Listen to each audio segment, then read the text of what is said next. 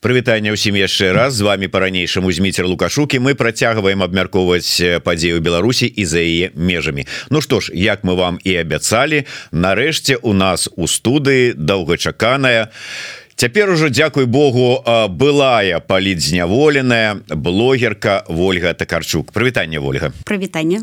Як настрой? Пазітыўны.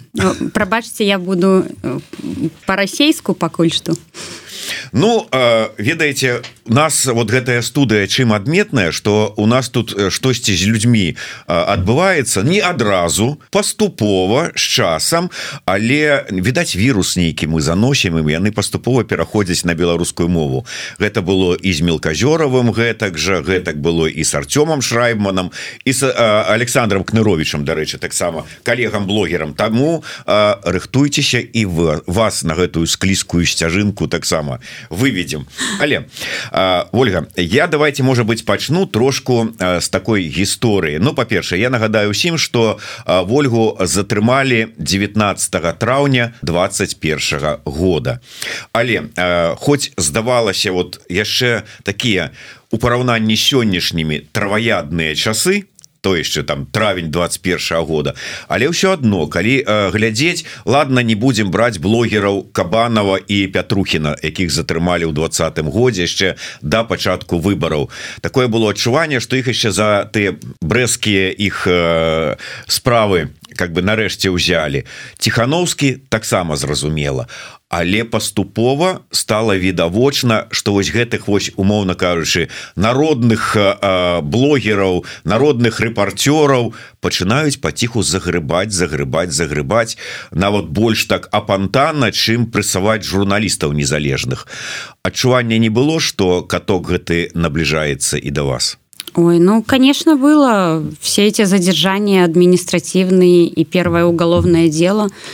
Ну, все было понятно, к чему это все идет, потому что неважно, народный ты блогер, не народный, или ты Кабанов, или ты Петрухин, или ты Серега Тихановский, ты все равно говоришь, и говоришь не в пользу власти, не говоришь не в пользу режима, а когда ситуация, в принципе, шаткая была у нас в 2020 году, ну, любое инакомыслие, конечно, им надо было душить, а тем более, когда ты народный вроде как блогер, и тебя любят и слушают люди, и поддерживают, и в их головах тоже что-то меняется, когда ты говоришь простым доступным языком, то, конечно, было понятно, что мне не миновать этой участи. Я была готова. А вот э, готовность я научим. Вот, ну вот як готовность. Вот мы все, э, коли сядзім дома, там, глядим какие-нибудь фильмы про войну, про героев, и думают, ну вот я б, вот я б тоже, вот там бы и дал бы, и вытрымал бы все там это все. Вот як готовиться? А, ну, я же уже говорила, что я в то время еще была такая наивная, да, мы не понимали, для чего Путин оставил Лукашенко, и я думала, что ну, подумаешь, поеду, ну, посижу месяц, ну, посижу полгода, ну, мы сейчас, вот у нас весной вторая волна, мы победим, ну, господи, сколько там сидеть.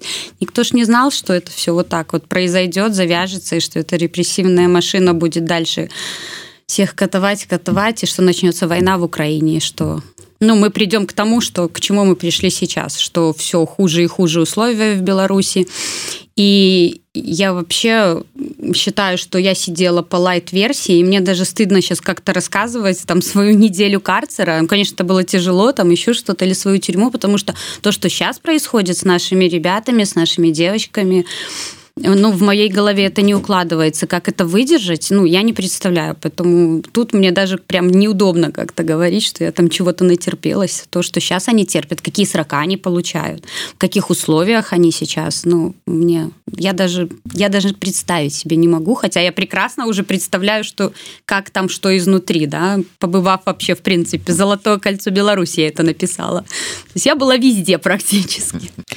Ну, вот, дарэчы, узгаданыя нами Петрухін з кабанавым былі ну фактычна затрыманыя узятыя як кажуць у адзін і той же час І атрымалі прыблізна ну аднолькавы тэрмін поехали ў розныя калоніі і абсалютна розныя былі умовы утрымання что у аднаго что у другого. Вот я рабіў інтэрв'ю і с адным і з другим. Кабанаў рассказывае там такія жахи что думаешь ну вот як можна было ввогуле выжываць это дарэчы тая калонія дзе цяпер бабарыка знаходзіцца Пятрухін вось быў у нас на мінулым тыдні в эфиры ён кажа ну безумоўна цяжка ну безумоўна складанасці. Але вот тых же жахаў якія былі ў кабанова не было ў яго. І это вот все в один і той же самый час вот это ты ж самое там 20 21 год. І ўсё ж таки э, з якімі складанасцямі э, давялося сутыкнуться і мяне вот цікава ўсё ж таки жанчыне. Я ж так разумею ўсё ж таки больш складана нават ну сыходячы з нейкіх фізіялагічных таких вось пабудов арганізма. Вот все это як это пераносится ну складана нам из-за чего ну куча вещей писем 8 сумок, наверное, физически это тяжело. Ты тягаешь эти большие матрасы, там эти подушки, кружка, тарелка, там 25 сумок. Тебе никто там не помогает. Э, наверное, так, ну, это тяжело. Морально, я думаю, что тут сильно нету различия, мужчина ты или женщина. Ну, есть очень стойкие, сильные женщины, есть очень слабые мужчины. Вот как э, по каким критериям они там прессуют или не прессуют, я до сих пор не поняла, потому что у меня, не считая первого времени Жодина, в принципе, меня потом не трогали. Ну, про Гомельское СИЗО я, например, вообще ничего плохого не могу сказать, да. Э, девчонки, с которыми мы там провели время или там потом в колонии уже виделись, Кого-то, наоборот, доставали там Олю Золотарь, да, ее там прессовали в Гомельском СИЗО. Вот. Ну, может, как ты себя ведешь. Меня многие знали. На то время я еще ну, достаточно на слуху была. Может, кому-то я импонировала. Я не знаю. Но сказать, что меня там сильно мучили, нет. В колонии я провела вообще мало времени. Там меня с порога предупредили, тебе осталось там два месяца, ты не лезешь, мы тебя не трогаем. Ну, мне это было удобно, я понимала, я в плену. Все, что я могу сделать в плену на чужой территории, когда я должна играть по их правилам, да, и они ставят условия. Вот, мне надо было выйти нормально к детям, не подвергать себя лишнему какому-то там стрессу. Поэтому я просто никуда не лезла, я молчала. Ну, то есть я вообще никак не реагировала ни на их провокации, ни на их там, встала ли ты путь на исправление, будешь ли ты писать помиловку, там все. Нет, и все, больше меня не трогайте. Ну, поэтому ко мне, не считаешь, говорю, Жодина было более-менее. А как они, по каким критериям, в каких колониях, может, от людей зависит. Там. Ну, там же тоже есть человечные люди. Я не могу назвать всех моральными уродами. Нет, есть моральные уроды, есть совсем упоротые, есть абсолютные лукашисты, вот прямо, ну вот. А есть нормальные люди, которые тоже должны быть в таких местах Дарэчы мне вот что той же самый Петрухін что перад ім прыходзіў на эфир Саша и Вулин яны рассказывали что ну вот это вот як это называется вертухаи яны познавали их то есть вот глядели и Вулина там А это ты вот этот вот вот про футбол что рассказывая что Петрухина познавали вось менавіта по типа там я глядел твой стрым Да было такое много раз а вообще был в Гомельского опять СИЗО. Такой прикольный случай. Мне надо была нитка с иголкой.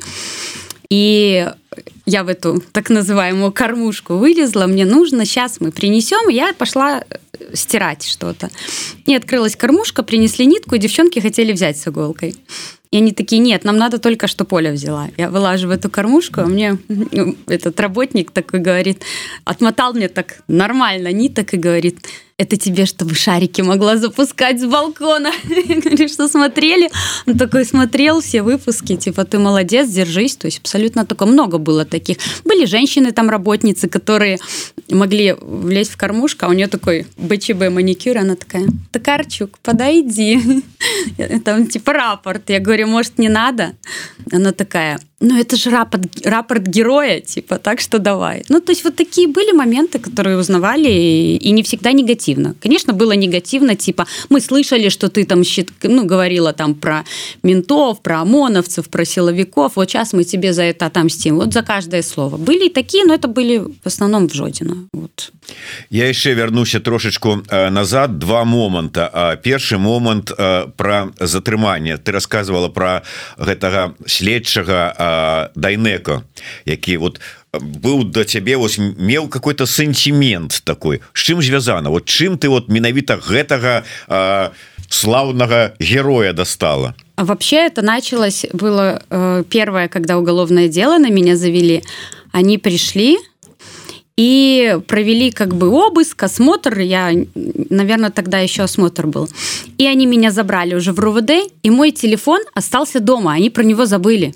И мы спустились уже под подъезд машины, и он такой, а, а телефон мы твой не взяли. Я говорю, простите, обыск закончен там или осмотр, все. Ну, все, что взяли, все, что забрали, дальше до свидания. Нет, пойдем поднимемся. Я, я типа поеду сейчас за вторым ордером. Говорю, поедешь за вторым, приезжай, поднимемся за моим телефоном. Нет, ну уж извини. И вот тут вот его, наверное, накрыло, что орден второй он взять уже не может, все по этому уголовному делу уже составлен там протокол, и вот начал он гоняться за этим телефоном и все никак не мог, не мог поймать. И тут уже просто пошла вот такая принципиальность моя и его. Ему надо было... Хотя, я говорю, в телефоне вообще ничего. Ну вот взял... Но тут уже вот просто принцип. Я вам ничего не отдам. Ну, придумывай варианты. И вот, наверное, вот это сыграло свою роль. И у него...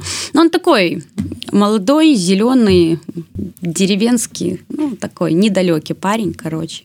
Там вы преступники, ну, все эти нарративы. Вы, вы тут шатать власть хотели, вы там преступные элементы. Вот, ну, абсолютно. Это вот много же всяких было, да, таких отрицательных персонажей проходило.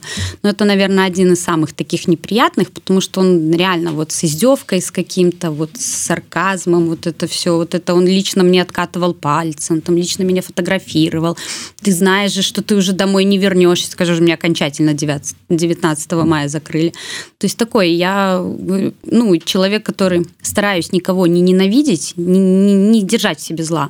Но тут вот настолько вот он просто мерзкий. И когда я освободилась сейчас уже, встретив, и я же должна была как экстремист каждый понедельник отмечаться в РОВД, отмечаешься ты там, где административные идут дела, а уголовный розыск на другом этаже. Я его встречаю, вот пришла по административке, и он меня ведет наверх, и я подписывала у него два раза бумагу, что я не буду взрывать школы и минировать метро. Ну, или наоборот, минировать школы и взрывать метро. Ну, то есть вообще абсолютно такой вот тоже лишний раз поиздеваться не знаю что это было ну не ведаю не ведаю вот вы мы як убачыліся ты зашла я так думаю взорвет сейчас студию или или заминирует ну это все ну, они перекрыли на самом деле абсолютно весь мой заработок потому что когда они меня сделали экстремистом я не могу там что-то наркотиками торговать, еще что-то. Короче, тут потом школы нельзя минировать, метро. Ну, в общем, без работы они меня оставили.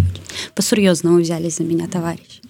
І э, другі момант э, калі э, цябе забралі э, ты сказала адразу Ну вот я чытаў твое інтэрв'ю на весне э, что ты сказала свайму бацьку адразу не хавайце інфармацыю як мага шырэй давайте інфармацыю як там было сказано подавайте меня на палітвязня это принципиальная моя была позиция. вот чаму э, мы як журналісты вельмі шмат і часто сутыкаемся с э, такими ситуациями калі сваякі э, ну не хочуць казаць інфармацыю Маўляў следчы там сказаў ці адвакат ці прокурор что калі вот не будете там не пойдзеце до журналістаў не будете распаўсюджваць інфармацыю не будете крычаць гвалтам то маўляў можа тэрмін меншы дадуць можа там яшчэ что-небудзь А так вот як это пойдзе інфармацыя то да яго стаўлення да затрыманага маецца на увазе будзе больш жорсткая Ну і люди боятся А у тебе была адваротная позиция ты не э, задумывалася про тое что можа быть вот менавіта такое больш жорсткое стаўленне нет нет я задумывалась но тут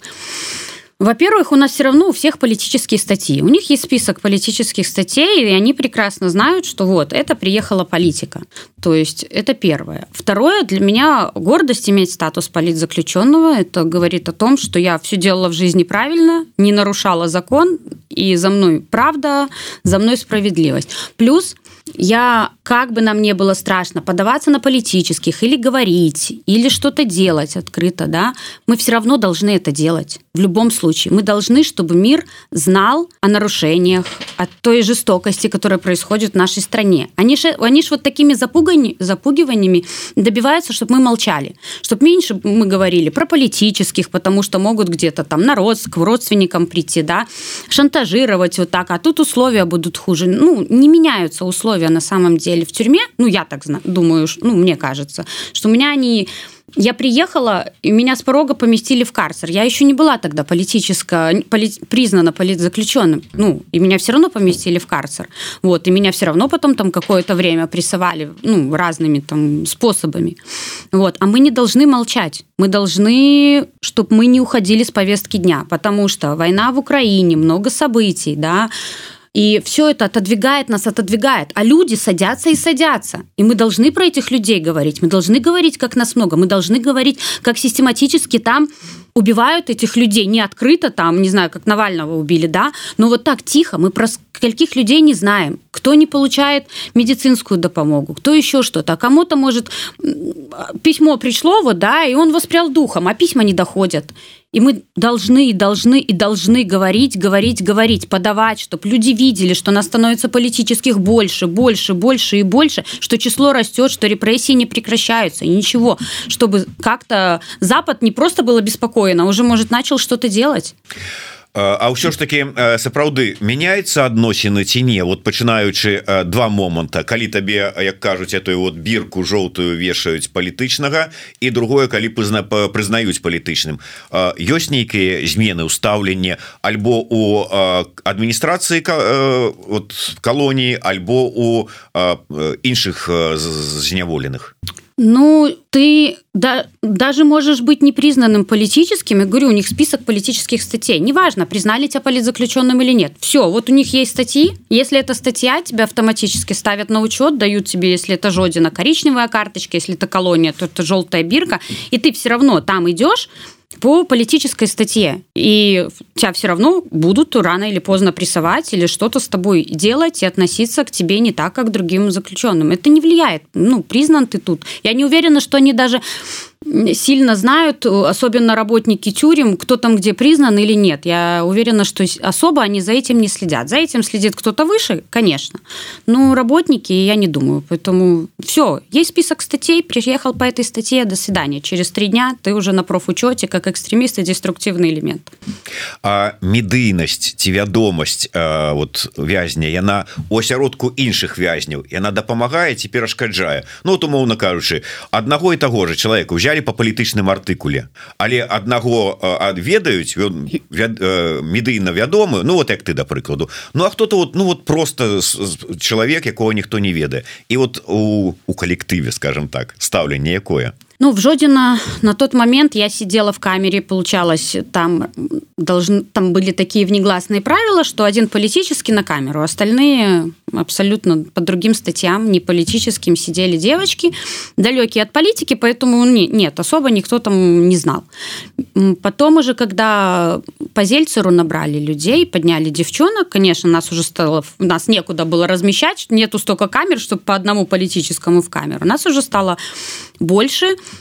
Там, конечно, меня узнавали, и мне было приятно, что девчонки, у которые, как это, ну, их так неожиданно забрали, многие из них на самом деле там и сильно и в маршах не участвовали, да, они просто там высказали свое возмущение, да, убийством этим, и не были готовы. Я, например, была готова к тому, что меня посадят, я себя настраивала, а они вообще не были. То есть ты поставил плюсик, заснул с ребенком, а утром к тебе ворвались, кинули этого ребенка, и за этот плюсик и тебе еще 130-ю жить разжигание розни. И когда они меня видели, видели, и там им, мне кажется, многим просто от того, что я рядом, становилось легче. Тот, кто меня смотрел и знал, насколько я позитивный человек, и, конечно, это приятно. А потом уже, когда я приехала на Володарку, да там все свои. Там уже, если кто-то меня не знает, значит, а кого-то знаю я. И все равно мы все знакомимся. Там вообще другое отношение. А так, ну, много кто меня знал, и как-то мы так кучковались, и я старалась и там это раздавать свой позитив, вот, что все все равно будет хорошо. Матахары піша Ольга променьчик Сонейка по-другому. Хорошо что Ольга теперь безопасности Максим шчыры Дякуй Вользе за тое что яна распавядае праўду про становішча ў Беларусі кажи ласка А вот зараз шмат хто асабліва палітычныя маюць ну так званых хросных сярод замежных палітыкаў.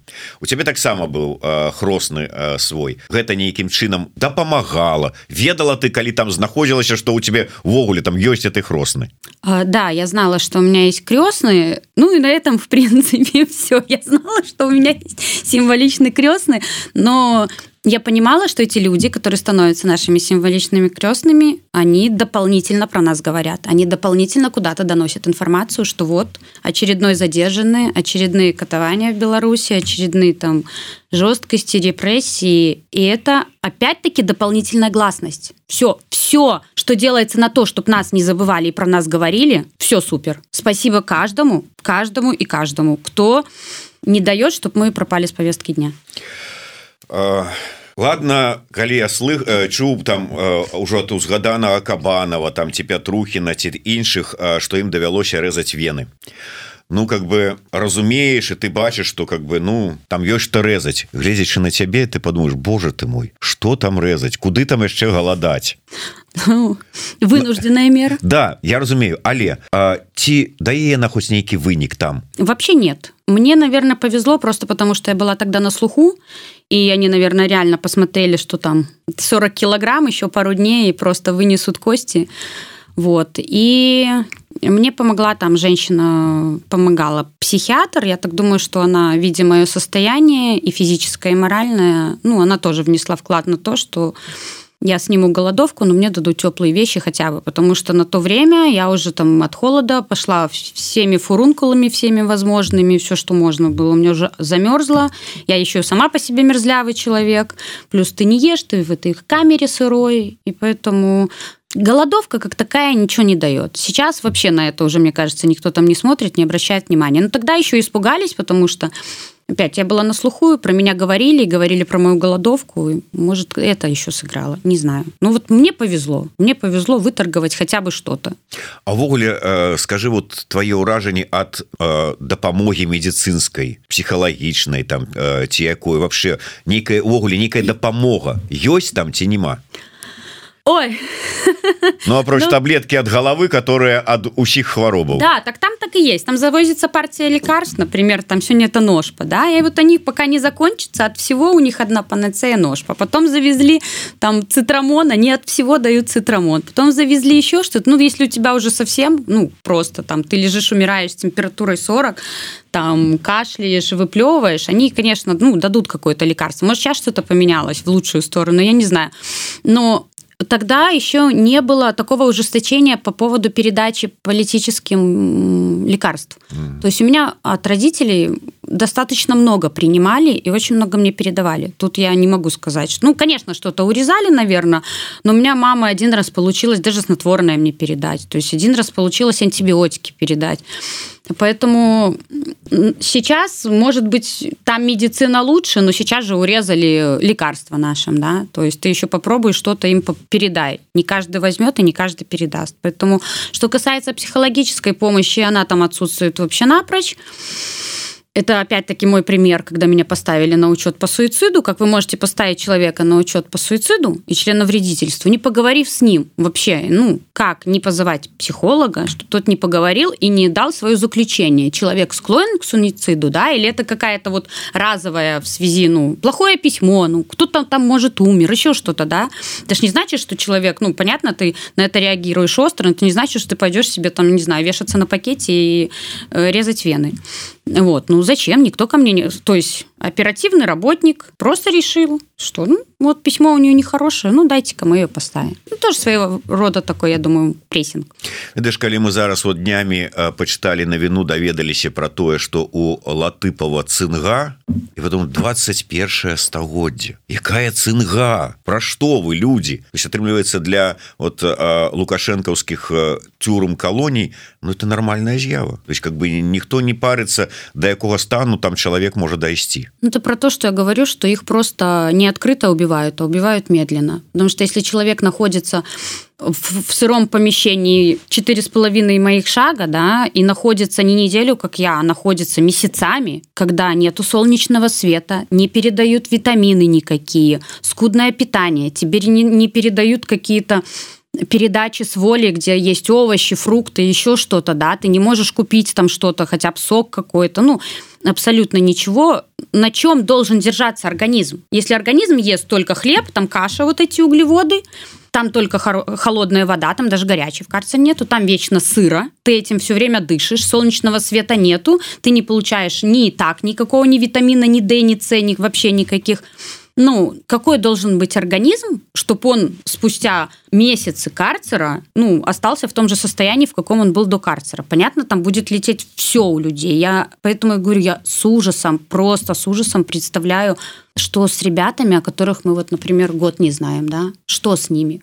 При этом, ну ладно, физическое состояние, а моральное состояние. Сколько ты можешь разговаривать сам с собой? Ты не получаешь писем, твои, ну, ты там, в принципе, в карцере не можешь писать себе там, ну, мне, по крайней мере, мне давали бумагу, только если мне что-то надо было адвокату написать, и то это мне надо было ее там просто выдирать зубами, чтобы мне дали бумагу и ручку. У тебя нету книг, у тебя нету общения. Все твое общение – это кормушка, э, смотрящие, кто смотрит за этим, и проверки с собаками зашли, ты рапорт сдал. Все, и сколько ты в себе можешь? Ты не получаешь новостей, ты не встречаешься с адвокатом, ты ничего, ты просто 24 на 7 месяцами сам в себе. Вот, ну, какая психика выдержит?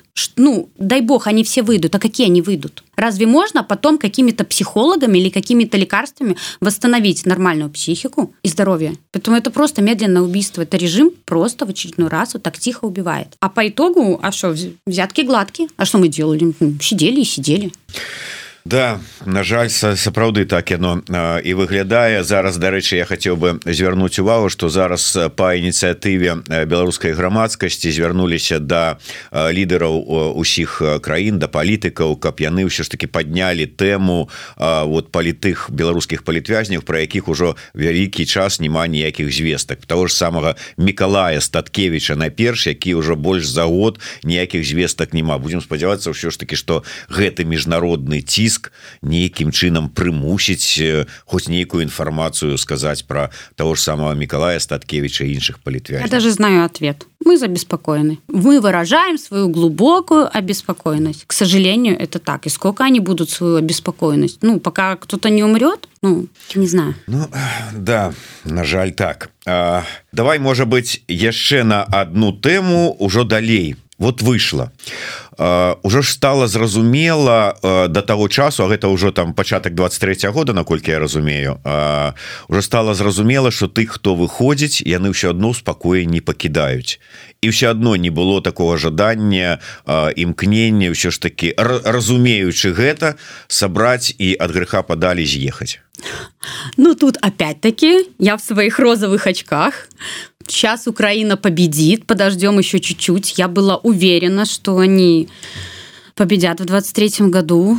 Ну, по крайней мере. Ну, может, самовнушение. Я, ну, я просто реально этого очень хотела. Я думаю, Украина победит, все падет падет путинский режим, по крайней мере, начнет рушиться. Там посложнее, Россия побольше. Но путинский режим потянет за собой режим Лукашенко и как бы подожду, подожду, а вот, а вот, а вот победим, а вот, а вот победим. При этом меня действительно не трогали вот до последних событий, так сказать, чтобы сильно, кроме того, что я отмечалась в роды раз в неделю. Плюс я, я, я не мог, я настолько была принципиально, мне так не хотелось уезжать. Я просто думала, как я эту страну оставлю батькам, как я оставлю людей, нормальных, наших, адекватных, которых там много. Все молчат сейчас, да, там понятно, почему ты молчишь. Я же тоже молчала, все запуганы. Конечно, никому в тюрьму не хочется, тем более, как они меняют эти законы и как ужесточаются условия там. Но там много людей, которые против. И меня прямо как я могу, вот, ну, к сожалению, получилось так, что лучше уже тут хоть что-то делать, говорить и помогать так, чем сидеть в тюрьме. Очередной раз оставив детей без мамы. Ну, до последнего, я же говорю, я держалась до последнего, пока уже не поняла, что к, к выборам 25 года они укатают всех. Нету у меня больше иллюзий, что они кого-то не будут трогать. Будут. И не будут смотреть, подросток ты, пенсионер ты, тебе 80 лет, больной ты, онкология у тебя нет, у тебя руки, ноги, на костылях ты или в инвалидном. Всех, всех, кто где-то когда-то проявлял какое-то инакомыслие, всех укатают. Все, это однозначно. Ты уже про это говорила но давай яшчэ раз проговорим потому что там есть такі момант ён как бы просто триггернул шмат кого. Что стало причиной того что ты приняла рашэнне все ж таки насуперак своей прынцыповасці але принять іншае рашэнне Ну это было 23 января. Это была большая зачистка в Беларуси по делу need help продуктовые корзины. Когда наш фонд need help помогал людям. То есть мы в Беларуси заказывали эти продуктовые корзины, а люди, которые вступали в этот фонд, ну, их оплачивали. То есть когда пришло КГБ, ну, у меня как бы ситуация действительно мне помогала женщина все время одна и та же. И я не знаю, там она была в этой организации, не была, она просто помогала, я не вдавалась. То есть, когда я вышла, было тяжело, и были огромные же штрафы за перекрытие дорог, поэтому я была благодарна людям за абсолютно любую помощь, которая шла в мой адрес и моей семье. Вот. Ну, пострадали, к сожалению, очень много людей, все возрастные, за колбасу это, ну, бабушки наши, дедушки, короче, все. И когда КГБ забрала, меня продержала сутки, ну, не сутки, ну, день я имею в виду, там, с полвосьмого утра до полдевятого вечера, и забрали мой телефон – ну, я поняла, что, в принципе, в нем что-то можно найти. Тоже было небезопасно, а рисковать у меня одна жизнь и свобода, и ты рискуешь, ну, ты, ты рискуешь жизнью своей, куском очередным своей жизни. Поэтому тут уже было не до риска. Расскажите про э, экстремистскую колбасу. А, это вообще классно. Это я у них спрашиваю, как человек, который э, ну, получил колбасу, как он становится экстремистом? Логика, ну, я уже рассказывала, это просто умереть не встать. То есть ты колбасу оплачивает экстремистское формирование, колбаса автоматом становится экстремистской, ты ее получаешь, ты ее не, не, чакайте, мы тут пропустили один э, э, звено ланцуга.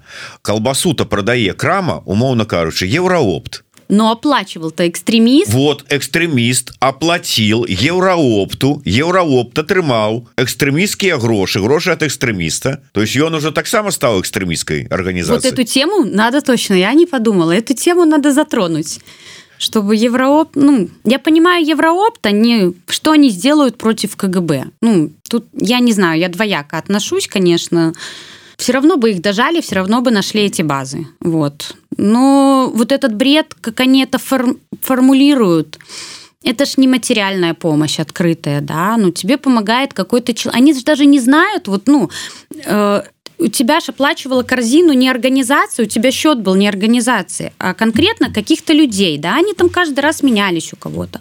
Вот. Как вы вообще даже можете доказать, что этот человек э, вступает, вступил в I need help, если ну, у вас нету базы, у них нету базы I need help. То есть это все ну, по-простому на понт, понимаете, взяли вот так вот, кто испугался, тот признался, или если знает, кто откуда там оплачивал, кто нет, того отпустили. Ну, ну это ну, бред. То есть даже с точки зрения морали, вы за что наказали сейчас вот этих людей, да, которых сейчас взяли, ну, обвиняете по вступлению там и организации, и финансирования экстремистской организации в том, что по сути они помогали родителям политзаключенных передавать продукты детям своим. У многих у нас такая ситуация сейчас в стране, у многих нету денег собрать ребенка, передавать ему каждый там месяц, если там он в СИЗО или в тюрьме там раз в полгода эти передачи, посылки, одежда. Ну, все, вы вот по совести просто, вот вы за что взяли? Ну, кого вы взяли? За деньги какие-то? Кто-то что-то украл у вас с кармана, выдрал. Колбаса. Чакайте, и все ж таки, на якім этапе колбаса набытая хай сабе і за нейкія там грошы там экстрэмісцкай арганізацыі ці фармавання ператвараецца у экстрэмісцкі я не знаю что там выбуханебяспечна экстрэмісцкі предмет і а, якім чынам тады заражаецца той чалавек які атрымлівае гэтую ну, вот, когда мне не объясняли они пункт что евроопт тоже экстремистский пропустили. То есть у меня была сокращенная версия что я получила экстремистскую колбасу проплачу экстремистские организации я ее съела колбаса экстремистская я а, сразу автоматически становлюсь становлюсь экстремистом и участников экстремистского формирования, потому что я съела экстремистскую колбасу. То есть у меня вот так вот, кратенько, четенько, красиво. Причем придумано это было, я так понимаю, вот буквально сразу. На ходу. Да, потому что, ну, когда писали это обвинение, реально они бегали к начальству узнавать вообще, что писать. Потому что никто не понимал, что писать. Саша лелёка піша так аналогі з продажы таксама экстрэміскія атрымліваюцца і яны ідуць у бюджет і ён таксама стаў экстрэміскім Ну видите тут вообще можно раскручивать эту тему и мы придем к тому что в принципе а потом они получают зарплаты а потом налогов, потом поэтому экстремист. а потом вот с гэтага экстремистского ўжо бюджета скажем грошы выдаткавалі на ремонт дороги якая стала экстремисткой по этой дороге проехал лукашенко в свою администрацию. Заразился. и, и все и теперь у нас вся страна экстремистов. Да куды глядзець следчы комитет? И так у них ген сейчас... прокурор швед. Спишь? Там экстремистский лукашенко есть ремонт идет а вольфович спишь? Так само без понятия что адбываецца в этой краіне то есть ну логика конечно дзіўная Як вы думаете вот ўсё ж таки яны самі атрымліваюць задавальненне от того что вот яны так виртуозно могут раз и человека осудить на термин? Они э, смотря кто. Ну если брать сотрудников КГБ с которыми общалась в тот день я радости там мало они прекрасно понимают что они в сотрудники целого КГБ должны копаться в наших продуктовых корзинах, и они прекрасно... Ну, мне попались очень адекватные люди. Вот. Если брать э, сверху кого-то, я не думаю, что у них какая-то задоволенность. Я думаю, что им, в принципе, просто надо перед выборами одними и вторыми всех недовольных по максимуму ликвидировать. А каким это будет способом? Колбаса это будет, еще что-то другое, плюсики, лайки, там, комментарии, подписки. У них, у них цель же неважно как, главное результат, чтобы все сидели. Или молчали, или сидели. Ведь вот а, Ольга я разумею что часу у нас не так ужо і шмат. Я хотел бы две темы закрануть. Першая тема ўсё ж таки гэта дапамоги але э, вельмі вот мне балючая і мне хочется даведацца ваше ўражань тым больш что вы зусім вось недавно адтуль приехали як кажуць з вялікай зямлі дзе вы жылі сярод звычайных беларусаў якія жывуць по-ранейшымі ў Беларусі вы з імі размаўлялі вы бачылі іх настроі там у краме на працы там дзе-нибудь яшчэ і мне просто цікава якое стаўленне не наколькі далёка вот мы тыя хто з'ехаў вымушаны быў з'ехаць і тыя хто засталіся разышліся і не разумеем уже адзін аднаго. Нас вельмі часто мяне попрыкаюць вот у каментарах что вы уже не разумееце что нас тут хвалюе чым мы живвем якія у нас там тэмы. Мікіта калі рабіў з вами інтэрв'ю зачитываў вам ваши словы ваши цытаты з ваших ранейшых допісаў там ці выказванню я вам зачитаю читаю не ваши выказыванні я э, буквально вось э, учора почытаў у наших коллег э, медиазона э, размову с э, імёны сапраўдныя не называются но людьми якія жывуць у Беларусі я вот две цытаты двух розных людзей першая на мове оригинала судя по всему с той стороны границы не то чтобы особо интересовались реальностью здесь. Складывается впечатление что вынужденных иммигрантов вполне устраивает представление Беларуси как концлагеря где все живое истреблено выжжено и закатано под асфальт. Так повздыхать над могилкой и рюмочку поднять на каком-то очередном съезде тоскливо и пафосно о потерянной родине пострадать. И все вот есть такое у меня нет. Нет ну я разумею. Там, а вот да, там есть такое там есть э, ощущение что вы тут оторвались от реальности немного. Там не видно. Наверное это минус нам тут сейчас да что может мы мало информации даем про огромный объем работы который делается тут чтобы поддерживать людзей там слухайте вы тут пару дзён толькі адкуль вы ведаеце які тут аб'ём работы робіцца шмат хто кажа что нічога яны не робяць у турыстычныя поездки тихохановская ездзіць что-то там сабе выдумываюць это с аб'яднанага пераходнага кабінета журналісты давно отрываліся іншыя толькі гранты э, там дзеляць і ну, все во-первых я всегда была на связи со всеми вами вот и знала плюс ну новости смотреть надо и понимать ну если Светлана куда-то поехала поехала вы же читаете дальше что не просто она поехала да а дальше читайте для чего она поехала с кем она встречалась какие вопросы обсуждала. Если пол палыч куда-то поехал дальше читайте чего добились да что сделали для, для помощи тут белорусам там в литве в польше еще где-то. Э, очень же много помощи о которой мы не можем говорить которая идет в беларусь непосредственно. Но там тоже есть люди которым говоришь обращайтесь обращайтесь в фонды аккуратно там чистите свои телефоны еще что-то. Есть очень много ну мер чтобы вас не вычислили. Но они помогут а мы не хотим мы боимся. Ну так если вы не хотите и боитесь да ну тогда не говорите что ничего не делают ради вас. Делают. И, ну а А вот это вот вся информация, она действительно там людям не доносится. И то, что мы видим, если просто читать какие-то наши даже независимые, это вечные спрежки. Все, у нас всегда тут вы все ругаетесь, да, все делится там везде. На разные лагеря, то один другого начинает там грязью поливать. Это там вот очень хорошо видно. То есть это еще разгоняет. Может, какая-то пропаганда, я не знаю, не смотрела, ничего не скажу. Вот. А про то, какой объем работы делается тут, чтобы помогать, а это колоссальный объем работы.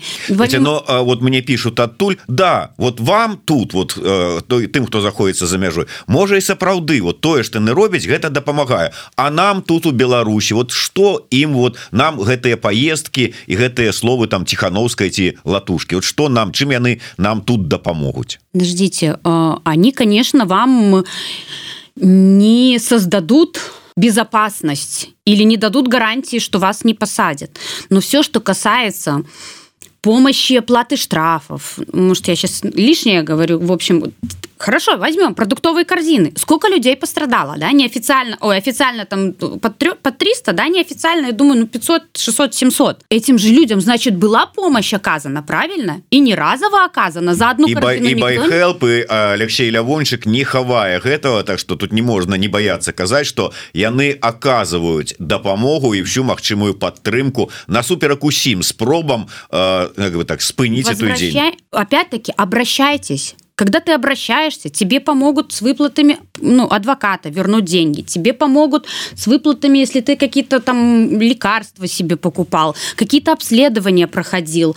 Совсем помогут разовые выплаты политзаключенным, э, родителям политзаключенным, детям политзаключенным. Сколько подарков на Новый год оформляется детям, да? Сколько там хотите в санаторий, хотите то. Обращайтесь, узнавайте. Но если ты сидишь в своем мирке, всего боишься, ничем не интересуешься, не узнаешь. Ну, конечно, ты будешь сидеть и жаловаться. Ну, а тебе должны принести на блюдечке с золотой каемочкой? Нет, так ты для этого хоть что-то сделай. Если ты хочешь какую-то помощь, ну, тебе наши предлагают помощь. Отсюда предлагают, там бояться. Ну, если вы боитесь, как по-другому? Ну как? Ну, вот что сделать?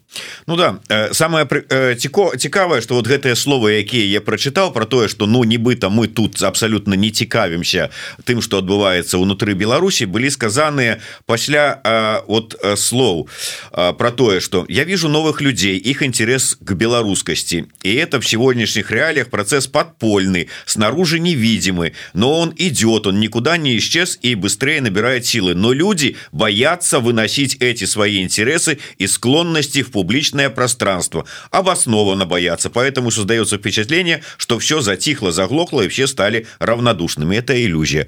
А як мы доведаемся хоть про что-нибудь? Коли как бы там бояться выносить. Оправданно бояться але у той же час ну вот як можно даведацца калі калі нічога невядома і нічога никого не кажуць так э, в принципе вам и не надо про это доведываться. Ну то есть допустим вот байхел байсол весна там помогли кому-то люди прислали отчетно но все фонд знает что он помог человек знает что ему помогли. То есть это не надо выносить ну на публичное просто все всегда стучат, говорят, обращайтесь, обращайтесь, обращайтесь. Это ж во всех телеграм-каналах, это ж во всех наших независимых СМИ. Пожалуйста, везде есть ссылки, везде все, только обращайтесь. Нужна помощь, обратитесь, вам помогут. Вам расскажут, какие безопасные способы есть обращения. Все. Уже сколько говорилось, заведите 2, 3, 5 телефонов, 100 симок левых, еще чего-то, закапывайте в эти телефоны при надобности, откапывайте, еще что-то.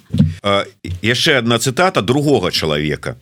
То есть вот это сапраўды вот так ну я разумею что у когосьці так але наколькі гэта широко за политической жизнью в эмиграции я не слежу и не вижу тех кто этим интересуется. У людей которые находятся в Беларуси есть собственные проблемы выживания и многим просто по барабану что происходит за рубежом. Ну тут Смотря какие мы проблемы. Вот смотрите, если проблемы помощи политвязням от фондов, да, это одно проблема. Ну, а если касается у меня, ну, уменьшилась зарплата, увеличились цены в магазине, я, ну, понятно, что я не буду звонить вам и говорить, блин, вот раньше мне зарплаты хватало мясо купить, да, еще что-то, а сегодня я могу только картохи себе купить. Ну, опять-таки, тут же смотря что имеется в виду, понятно, что там тяжелее, тяжелее жизнь, да, и, конечно, ты больше уже думаешь о выживании там, ну, а мы сейчас говорим про просто выживание, там, ну, ужасная жизнь стала, или про помощь. Если помощь, она идет. А если как там выжить, ну, вы же не обязаны спонсировать нас продуктами картошка. И то, I need help-то помогал, насколько это возможно. Если ты обычный человек, ты не участвовал в протестах, да, ты не интересовался ничем, да, ты сидел, моя хата с краю, вообще я в это не полезу. Ну, понятно, ну, чего тебе кто-то будет помогать, правильно? Чтобы тебе что-то возвращали, ну, ты, ты должен был для этого что-то сделать, хотя бы проявить свою какую-то гражданскую позицию. Если проявил, то заяви о себе, а если проявил, не заявил, ну, ну как люди про тебя узнают, что ты там пострадал, если ты про это не говоришь, нигде ничего не заполнил, не оставил, не сказал никому.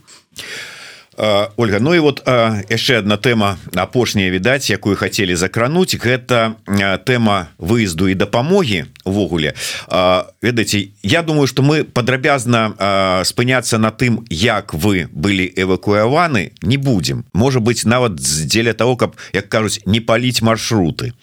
Але дапамогі наколькі наколькі все ж таки аказаная дапамога была своечасовая у поўным аб'ёме не ў поўным аб'ёме. Ведаеце мяне вельмі ну как бы так триггернула калі я глядзеў ваш эфир у Саши балаганова і там Саша казаў про тое что ну вот зараз ідзе сбор на падтрымку ольгі яе сям'і вот там байс та самая BYSOL открыў сбор і каментар такі давайте мы можа самі як-небудзь тут збяром гэтую дапамогу а то этот вороваты байсол ось вот ёсць такое адчуванне что мы можа сапраўды дзесьці там не ўсё чыста можа не так дапамаглі як трэба. Можа быть сказали что дапаможем стока а атрымала стока А можа вы сказали а так вот мы тут собрали ну-ка процент отстегивай Нет, ну вначале, во-первых, я, конечно, хочу сказать спасибо огромное и Байхелпу, и Байсолу, и Весне, и незалежной ассоциации политвязня удоволи всем помощи было своечасово и огромное количество бесконечное. Но тут у меня такая какая-то вот болезненная. Почему-то многие такие как я я имею в виду эвакуированные да считают что им должны. Вот им должны. Вот они там пострадали мы сюда приехали и нам все должны. Вот то есть по их мнению есть какая-то группа людей или фондов да и вот они потом должны, должны. Но это не так. Ведь фонды деньги дают тоже обычные люди. Да? Мне сбор делали обычные люди. И это работает только когда кто-то помог мне, я встала на ноги, помогла кому-то, тот встал на ноги, помог еще кому-то. И вот так по кругу. Это и есть наша солидарность, взаимопомощь, взаимовыручка. Мне никто ничего не должен. Да, я пострадала. Спасибо людям огромное, что они мне собрали. Но мне никто ничего не должен то, что на стрижака этого бедного, на лявончика вечно гонят, люди, побойтесь Бога, люди такое огромное дело делают. Все, вот все, кого я перечислила, делают огромное, огромнейшее дело, помогая нам. Мы приезжаем, действительно, без всего. Мы оставляем там всю свою жизнь, квартиры, там, работы, машины, дома, дачи. Приезжаем вот с маленьким рюкзаком. И тебе просто с порога ты вот переступаешь границу, и тебе помогают, помогают. Да, может быть, я более на слуху, да, мне легче было собрать этот сбор, конечно. Но у меня э, цель сейчас встать на ноги и тоже начать помогать. Если каждый будет, вот, да, не просто вы мне должны, а мне мало, и там еще через полгода, а мне мало, отдайте еще. А что я пойду работать, вы мне должны, а тут он может там вообще, не знаю, случайно где-нибудь пьяный на марше засветился, и тут теперь он такой, должны. Нет, просто надо помнить, что помощь идет от обычных людей. Тот же Стрижак, он обычный человек, Лявончик обычный человек. I need help, понимаете, Филипп обычный человек, все мы обычные люди. А в этом наша сила сила вот в этой солидарности. И это меня аж прямо наболело, когда я вот общаюсь с какими-то там вот людьми тоже, и вот это мне должно... А мне не помогли, а ты обращался? А может, ты уже просто перевысил лимит помощи, да? Ну, опять-таки, ну, как-то так. Поэтому с моей стороны, ну, я могу сказать, вот если мне люди верят, я очень надеюсь, они верят, да, никто там, поверьте, из тех денег, которые вы зачисляете, не берет себе ни копейки. Вот все, что есть и насобирали на политического, везде медицинская помощь, санаторий, лечение, зубы, бесплатные хостелы первое время, бесплатные деньги, ой, деньги на какую-то там одежду, куча помощи. Это не только вот этот сбор, да, это отовсюду идет, от любой организации. Просто стучитесь, просто пишите. Ну, ну тут, наверное, я не знаю. Ну, публичность, конечно, играет роль. Я ну, не буду спорить, что вот. Но когда говорят, что нам не помогли, это ложь. Или вы не просили, или вы перегибали палку.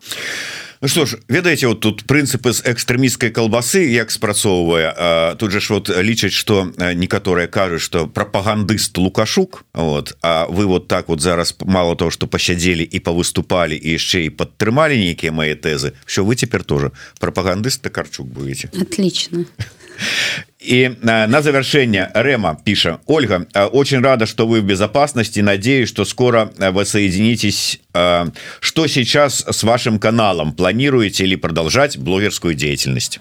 Да у меня есть уже пару идей которые я бы очень хотела воплотить тут сейчас пока у меня мини-пауза потому что мне надо сейчас найти жилье Э, чтобы дети были со мной, э, в школу их устроить. У меня пока нету как минимум просто компьютера или ноутбука что-то перекидывать, монтировать, потому что, как говорится, пока что все это не приобретено.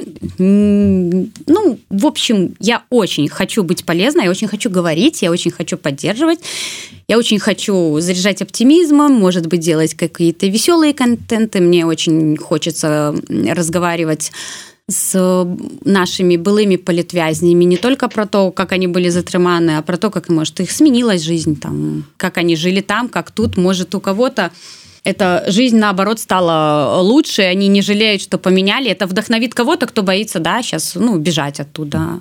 Вот пускай это будут разные истории я конечно хочу по душам разговаривать я хочу хочу что-то делать полезное. То есть если я буду полезна в медийном пространстве и люди хотят меня видеть значит я буду в медийном пространстве помогать и поддерживать людей пока что хоть так А я думаю что э, беларускага контента колькі б яго не было яго э, мало э, тэм хапае. І я думаю Ольга что знойдзеце вы сябе А яшчэ некалькі разоў прыйдзеце до нас то вось такое зарадзім вас беларускасцю поразважаем про нацыянальную ідэю і ўсё.